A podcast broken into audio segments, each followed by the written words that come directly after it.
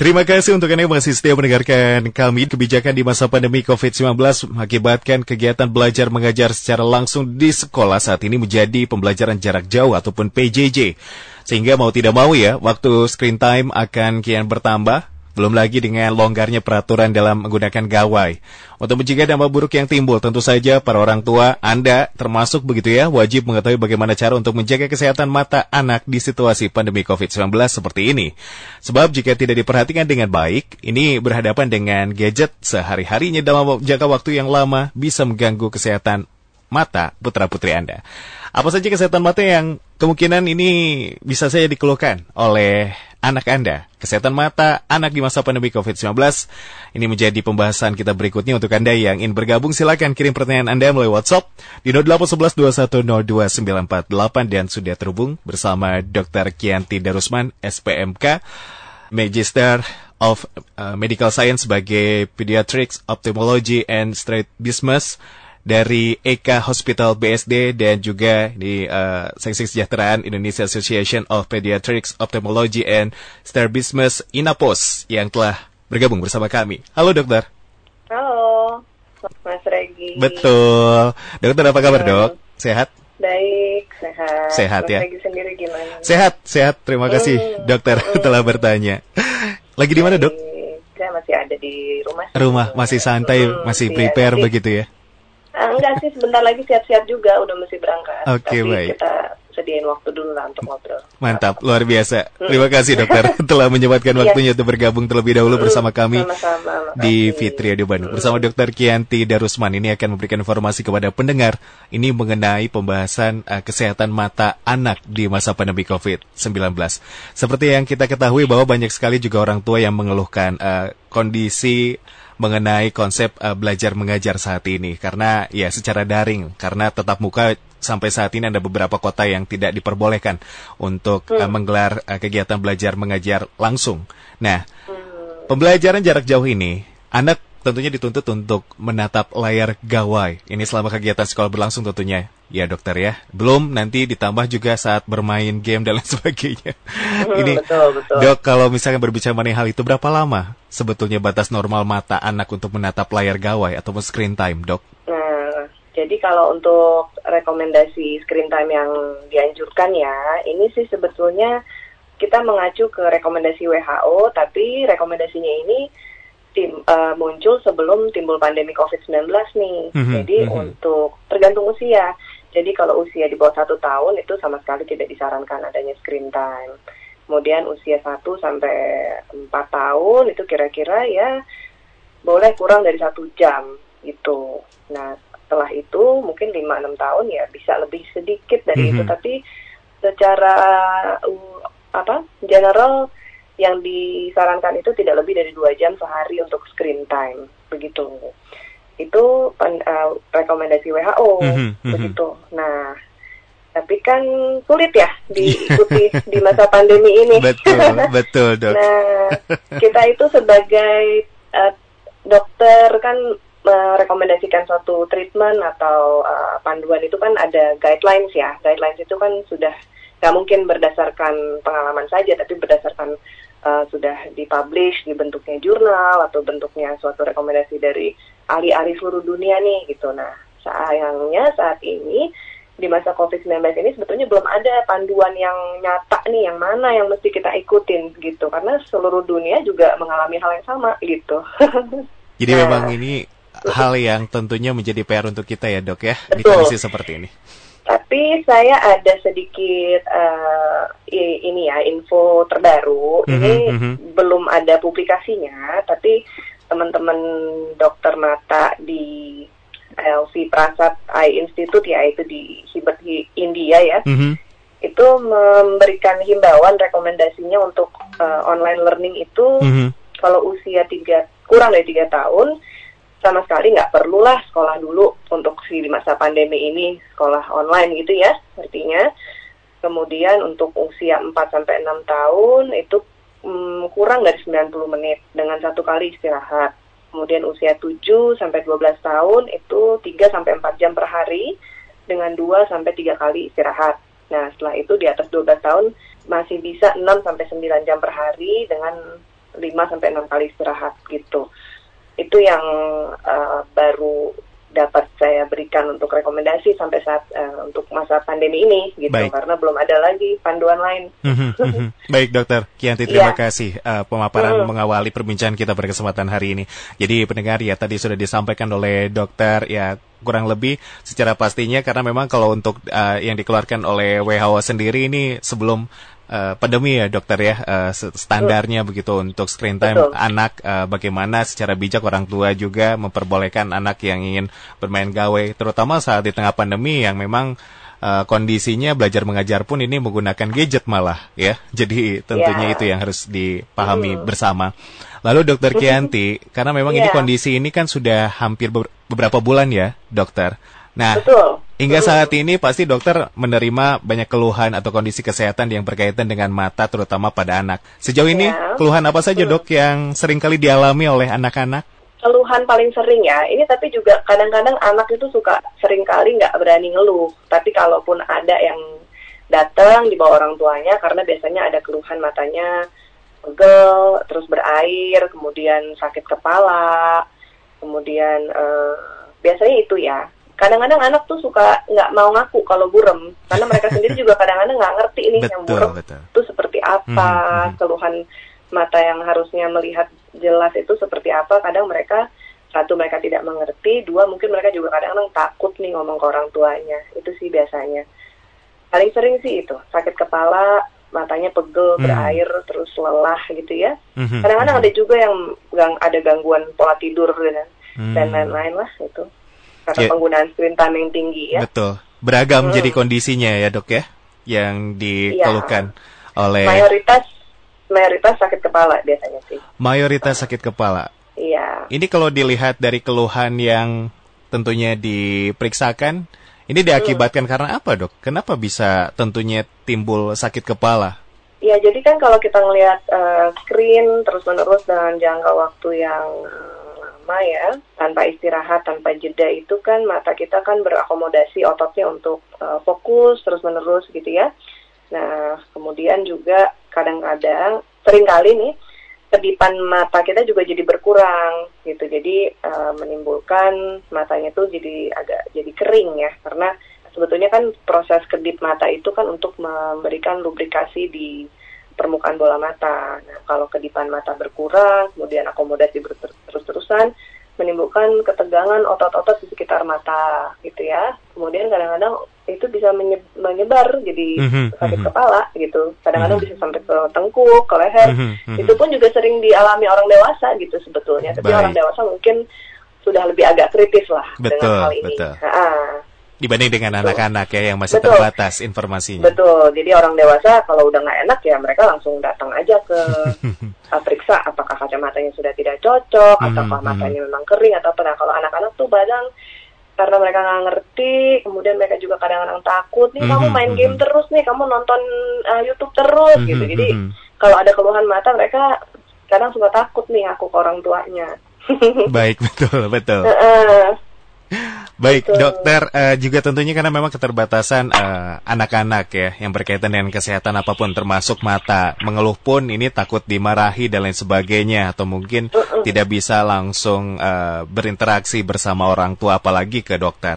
Nah, Dok, hmm. kita sebagai orang tua juga dalam hal ini harus sigap ketika memang mungkin apakah ada gejala-gejala khas yang patut diwaspadai oleh kita ketika anak misal mengalami beberapa keluhan pada mata, dokter orang tua uh, sebaiknya mulai memperhatikan kalau anak itu misalnya sering memicingkan mata ya, jadi matanya tuh kayak dikecilin gitu ya, kayak, kayak kemudian kedipan matanya tuh nggak normal, jadi malah lebih sering gitu kayak mm.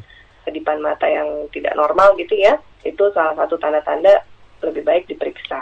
Apalagi kalau ada riwayat mungkin kakaknya berkacamata, orang tua salah satu atau dua-duanya berkacamata, Nah itu kan ada faktor genetik juga tuh. Anak uh, bisa juga berkacamata juga seperti orang tuanya. Jadi nggak ada salahnya sebetulnya. Memang idealnya sebelum usia sekolah anak pernah bisa diperiksa dulu mm -hmm, gitu. mm -hmm. uh, kemudian secara rutin gitu Ya itu dia pendengar ya apa yang bisa kita ketahui uh, secara sigap dan langsung begitu ketika memang dirasa ada hal-hal yang ini kenapa ya ini kenapa matanya kayak dikecil-kecilkan gitu ya kenapa juga mungkin ini ada beberapa keluhan lainnya ini harus langsung dibawa ke fasilitas kesehatan ya dok ya.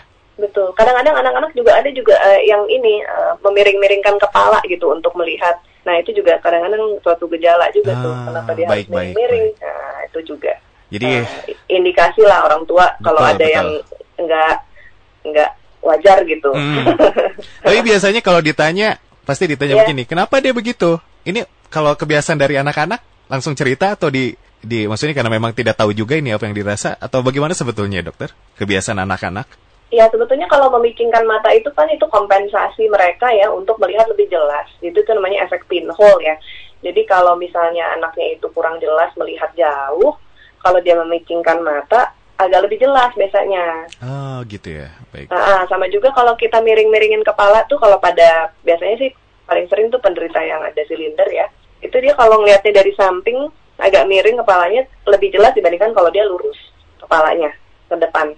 Baik, jadi, jadi itu sebetulnya hmm. mekanisme kompensasi anak untuk melihat lebih jelas, tapi kan dia nggak bisa bilang gitu, kenapa saya hmm. harus miring-miring, hmm. saya kenapa saya harus micingin mata gitu kan, mereka kadang nggak bisa nggak ngerti kan gitu. Nah itu jadi tanda-tanda yang warning yeah. warning sign buat orang tua untuk Baik. coba dicek lah gitu. Ya, jadi perhatian begitu ya. Jangan hmm. sampai terlalu cuek juga ini kenapa miring-miring malah penilaiannya hmm. ke yang lain-lain. Iya gitu lah. Oke baik dok.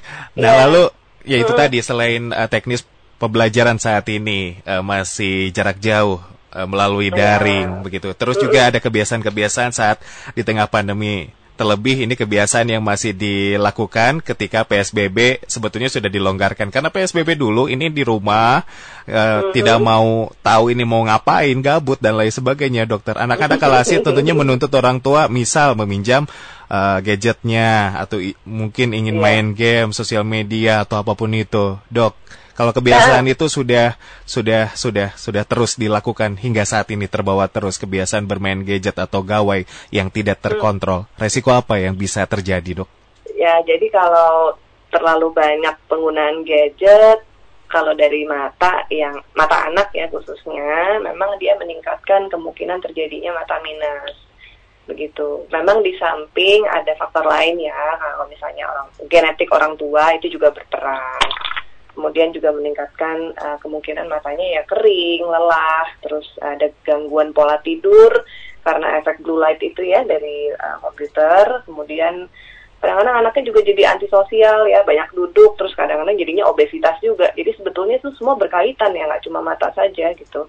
Jadi kalau uh, dari mata paling sering resikonya adalah uh, mencetuskan mhm. terjadinya mata minus Baik. Begitu. Ketika memang sudah langsung diperiksakan ke fasilitas kesehatan ke dokter mata, uh, ini tata laksananya, penanganannya bagaimana dok selanjutnya?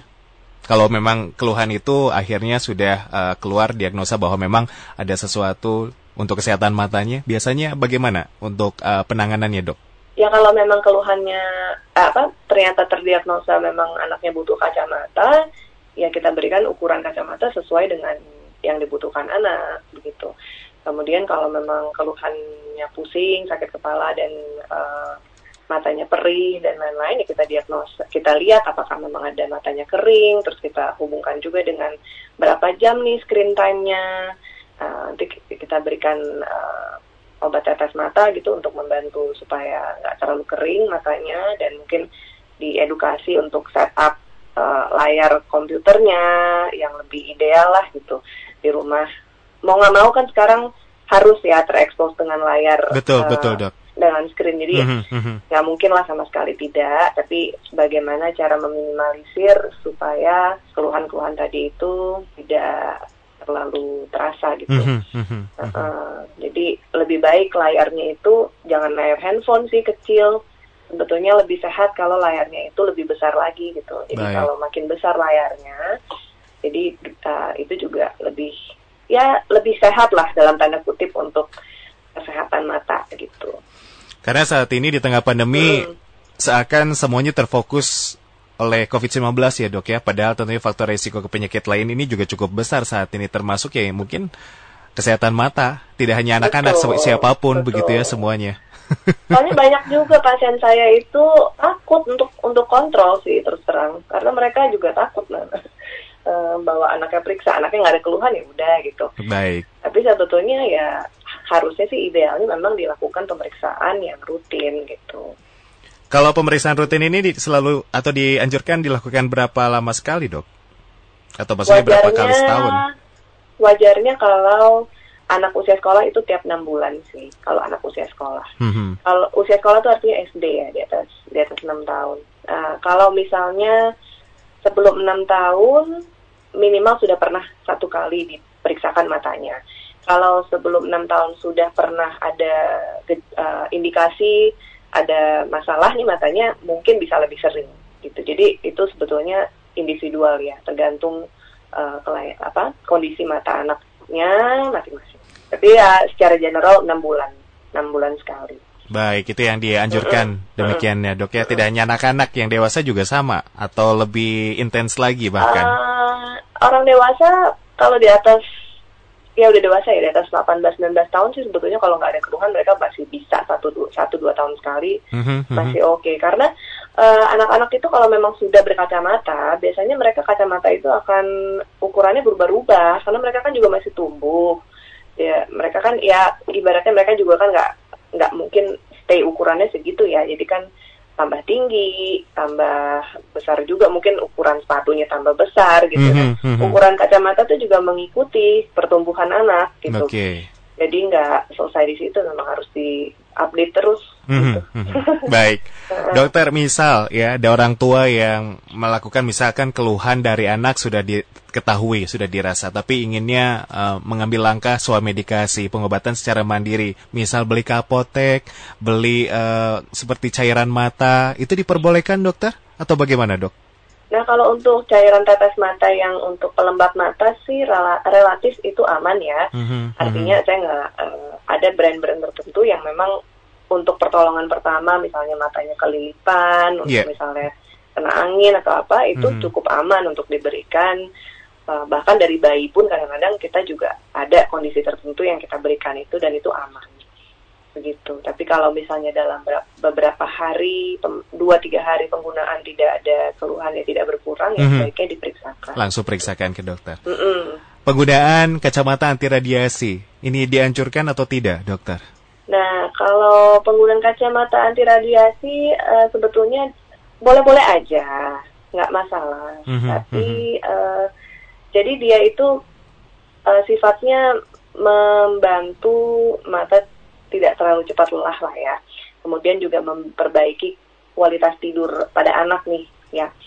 Tapi kalau memang eh, efek yang lebih dari itu misalnya eh, ada potensi bisa menahan tidak anaknya tidak jadi minus atau potensi untuk uh, mengurangi itu tidak gitu. Jadi tidak berbahaya penggunaan kacamata blue light itu tapi ya benefitnya pun juga tidak terlalu apa uh, signifikan lah artinya uh, jangan terlalu berharap banyak gitu dengan pemberian kacamata itu.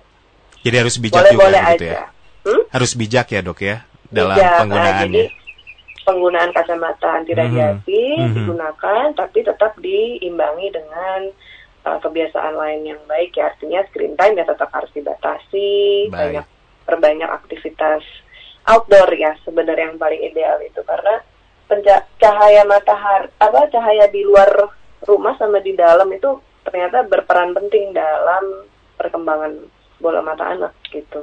Jadi ya itu tadi Hmm. daripada diam di rumah bermain gadget ataupun melihat uh, layar komputer lebih baik uh, kegiatan outdoor yang juga tentunya aman ya untuk dilakukan saat ini. Begitu ya dok? Iya, nah, itu harus kreativitas orang tua juga Iya, tuh kadang harus cari-cari mungkin permainan yang dulu Mhm, yang sekarang betul, udah nggak populer gitu ya perkenalkan lagi ke anaknya kayak main layangan sekarang Iya. kan lagi tren lagi ya Iya.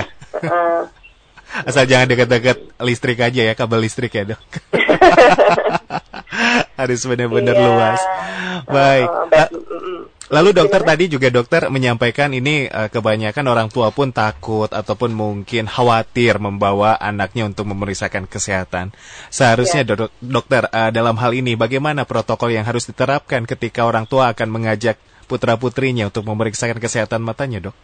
Ya, uh, sebetulnya kita kan juga uh, di fasilitas kesehatan sudah menjalankan protokol kesehatan ya. Artinya kan ya uh, dengan pemeriksaan suhu tubuh, kemudian adanya pasien-pasien uh, yang gejalanya batuk pilek dan lain-lain kan itu sudah dipisah gitu ya. Kemudian ya penggunaan masker, ya anak harus di uh, ya edukasi ya benar-benar masker itu nggak boleh dipegang-pegang dipakai terus selama selama berada di fasilitas kesehatan atau di tempat umum di tempat di pemeriksaan mata gitu. Kemudian um, menurut saya sih lebih baik kalau memang mau memeriksakan mata ya idealnya buatlah janji gitu. Jadi benar-benar jamnya itu mungkin dia nggak menunggu terlalu lama gitu. Jadi dia tidak terlalu lama juga di di ruang tunggu dokternya atau di ruang tunggu uh, rumah sakit gitu. Kadang-kadang ada pasien saya juga nunggu di mobil dulu gitu dia daftar anaknya di mobil gitu nanti kalau udah jam waktunya dia baru masuk gitu nah, itu sih uh, modifikasi aja ya cara-cara tertentu tapi mm -hmm, yang mm -hmm. yang penting anaknya tetap diperiksa gitu baik itu dia uh -uh. Mm -hmm. yang paling penting karena memang tujuannya untuk memeriksakan kesehatannya ya dokter ya iya tapi betul. tetap dengan karena kita nggak tahu sampai kapan kan sekolah online ini ber berjalan kan betul mm -hmm. Betul itu dia dan juga tentunya sampai kapan pun ini pandemi juga kita tidak tahu ya dokter ya. Betul kita nggak tahu jadi ya jangan sampai ada ke masalah-masalah mata yang terabaikan. Betul. Kalau bisa ya tetap lakukan dengan protokol kesehatan yang uh, sudah dianjurkan juga oleh pemerintah segera ditangani kalau memang keluhan sudah mulai terasa ya dok ya. Betul. Baik. Segera ditangani. Karena kalau misalnya kita di, bisa tangani dari lebih lebih dini akan lebih bagus juga gitu mm -hmm, mm -hmm. untuk anaknya untuk pasiennya. Gitu. Oke okay, baik. Uh, Dokter, ini ada interaksi dari pendengar yang sudah menanggapi perbincangan kita berkesempatan hari ini. Ada Ibu Lia di Sindang Sari. Dok, uh, ini hmm. kenapa ya? Anak saya baru mau masuk uh, usia 4 minggu, dokter. Tapi tadi pagi pas bangun kondisinya matanya berair dan sedikit merah. Ini harus bagaimana ya dok ya? Usianya baru 4 minggu, dokter? Oke, mata berair atau merah pada bayi itu sering kali biasanya sih penyebabnya bisa karena infeksi, infeksi konjungtiva atau uh, bagian putih mata ya itu. Mm -hmm. uh, itu yang pertama. Kedua bisa juga kadang bayi baru lahir ya, itu empat minggu itu kan masih hitungannya baru lahir. Itu saluran air mata mereka yang bermuara ke hidung itu belum terbuka secara sempurna. Jadi kadang Uh, jadi kita kalau nah ada air mata itu kan biasanya kita bermuara ke hidung ya. Nah pada bayi itu kadang masih uh, sempit uh, salurannya, jadi berair menumpuk di bola matanya, di permukaan matanya. Yang kadang itu bisa menyebabkan matanya merah. Ya sebetulnya sebaiknya diperiksakan sih bu, gitu. Mungkin kalau memang uh, tidak bisa ke dokter mata, dokter anak kadang masih bisa memberikan uh, terapi dulu sementara kalau misalnya kan masih vaksin juga kan, masih ke dokter anak dong gitu. Nanti sekalian dilihat. Kemudian kalau memang ternyata dokter anak yang menilai ini perlu dikonsulkan eh, uh, ke dokter mata ya nanti bisa sekalian gitu langsung ke dokter mata gitu. Kalau bisa dibersihkan saja dengan air hangat mateng ya yang bersih gitu. Jangan ditetes asi juga sih ibu itu nggak bukan rekomendasi yang dianjurkan. Maksudnya kadang-kadang ada tuh pasien yang mata anaknya ditetes sama asi gitu. Itu belum ada basis dari uh, ilmiahnya. Jadi lebih baik uh, bersihkan dengan uh, cairan steril ya. Kadang-kadang kita berikan NaCl tuh cairan steril untuk membersihkan matanya gitu Baik, itu saja dokter. Terima kasih. Ibu Lia ya. demikian sudah ditanggapi oleh dokter. Berikutnya ada Ibu Margaret di Setrasari, dokter. Saat ini ini memang susah ya untuk mengendalikan penggunaan gawai bagi anak. Jangankan sekarang dengan pembelajaran daring, sebelumnya pun anak lebih asik dengan gawainya. Ada tips dokter supaya ini bisa diatur dalam penggunaan gawai agar terhindar dari gangguan mata, Dok? Ya, itu tadi tergantung usia anaknya, usia anaknya usia berapa. Jadi kalau misalnya usianya tadi di bawah tiga tahun, ya sebisa mungkin tidak usah pakai gadget. Kita coba eh, harus kreatif orang tua carikan permainan di rumah yang tidak melibatkan gadget gitu. Tapi kalau memang anaknya sudah usia sekolah, terus habis itu mereka memang harus belajar di depan layar, ya biarlah mereka belajar sesuai uh, jam pelajaran mereka. Tapi di luar jam pelajaran mereka, terutama pas saat weekend, itu kalau saya dibalik aja. Jadi kalau dulu kan banyak pasien screen time justru weekend.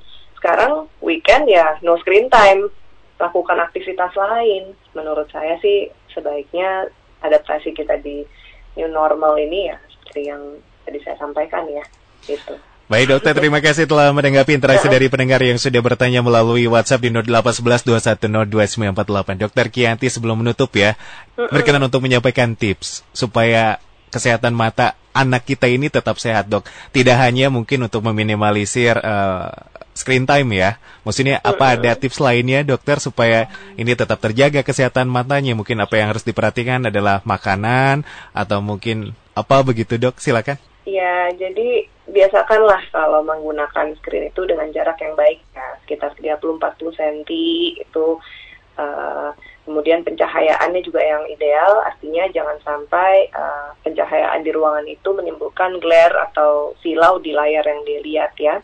Uh, kemudian perhatikan juga postur anak ya dengan uh, tingginya komputer, jangan sampai anaknya tuh membungkuk gitu ya Kemudian kalau misalnya ada AC atau kipas angin ya ya di ada di ruangan itu jangan sampai langsung menyemprot ke arah, arah mata itu juga menyebabkan matanya perih, kering dan lain-lain. Ya, baik dokter, terima kasih telah memberikan tips yang tentunya ini bermanfaat untuk kita sebagai orang tua dan dokter Kianti. Tidak terasa kita berada di penghujung perbincangan kita. Tentunya apa yang ingin disampaikan sebagai penutup ataupun closing statement. Silakan dokter. Iya, satu lagi tapi tadi ya, uh, kalau memang anaknya sudah berkacamata, kacamatanya dipakai ya saat pakai gadget dan uh, kalau sudah berapa bulan nggak diperiksa, ya coba diperiksa. Takutnya udah nggak cocok tuh kacamata, ya. Itu satu lagi. Jadi untuk closing ya sekarang ya. Maaf saya potong lagi dokter, saya ingin bertanya lagi. Kalau Boleh. misalkan uh, tentunya uh, biasanya kalau sudah tidak nyaman ini kenapa dok? Kalau anak kan usianya bertambah, ya masih ya dalam pertumbuhan ya. Uh, uh, hmm. Jadi masih dalam pertumbuhan, kacamata okay. itu juga pasti berubah ukurannya. Baik, jadi memang kita hmm. harus sering nanya ya ke anak ya kalau berkacamata ya, ini masih nyaman atau tidak begitu ya? Nanya bisa, anaknya suka nggak ngaku nih. Nah gitu, ya gitu. ya masalahnya. Bingung nih bagaimana. iya. Oke, okay. dok silakan dok. Oke, okay. jadi kalau untuk closing statement saya nih, untuk support saya Dr. Kianti dari Eka Hospital dan dari uh, organisasi Inapos, Dokter Mata Anak Indonesia, ingin memberikan support nih kepada seluruh rekan sejawat, khususnya dokter-dokter mata. Kita sama-sama tetap bersatulah patuhi protokol kesehatan uh, untuk mencegah nih penyebaran COVID-19. Kemudian juga untuk para pendengar secara umum, bila ada keluhan kesehatan, khususnya kesehatan mata, ya jangan diabaikan begitu saja, tapi cepat diperiksa agar penanganannya tidak terlambat. Kemudian khususnya untuk orang tua, anak tuh jangan ditakut-takutin ke dokter mata, karena mereka juga nanti trauma, gitu. Jadi buatlah mereka itu jangan uh, takut kalau mau ke dokter mata. Dibuat nyaman ya dok? Dibuat nyaman. Nah, jangan ditakut ya memang kadang ada pemeriksaan-pemeriksaan tertentu yang nggak nyaman harus ditetes obat perih dan lain-lain. Tapi gimana kita mengajarkan anak uh, memang itu prosesnya. Jangan ditakut-takutin gitu jangan ditakut-takutin. Kayak kita takut-takutin anak nanti disuntik loh nanti disuntik. Kan mereka setiap kali ke dokter anak kan takut. Nah sama aja. Iya betul betul betul. Nah, uh, mereka takut tuh biasanya kalau dibawa ke dokter mata, aduh nanti minusnya nambah nih karena dimarahin orang tua kalau nambah gitu. Jadi mereka nggak mau ngaku, nggak mau ngeluh kalau matanya udah burem, padahal sebetulnya perlu ganti kacamata. Ya jadi kita kerjasama lah sama-sama antara tenaga medis dan orang tua juga. Dan ya sebisa mungkin batasi screen time yang tidak berhubungan dengan eduk edukasi kalau uh, untuk main game dan lain-lain ya mungkin dialihkan ke game-game lain yang tidak berhubungan dengan layar. Baik. Aja sih. Uh. Itu saja dokter. Terima kasih yeah. untuk penutup yeah. pada kesempatan okay. hari ini telah bergabung bersama kami dan apa yeah. yang disampaikan juga tentunya ini bermanfaat untuk kita semua terutama baik, baik. untuk menjaga kesehatan mata pada putra dan putri kita. Dokter, yeah. selamat beraktivitas, jaga kesehatan dan mudah-mudahan di lain kesempatan ya. bisa bergabung Mas kembali ya dok ya. Sama-sama dokter. Ya, Sama-sama. Terima, terima kasih. kasih Fit Radio Bandung juga ya. Terima kasih Baik. dokter.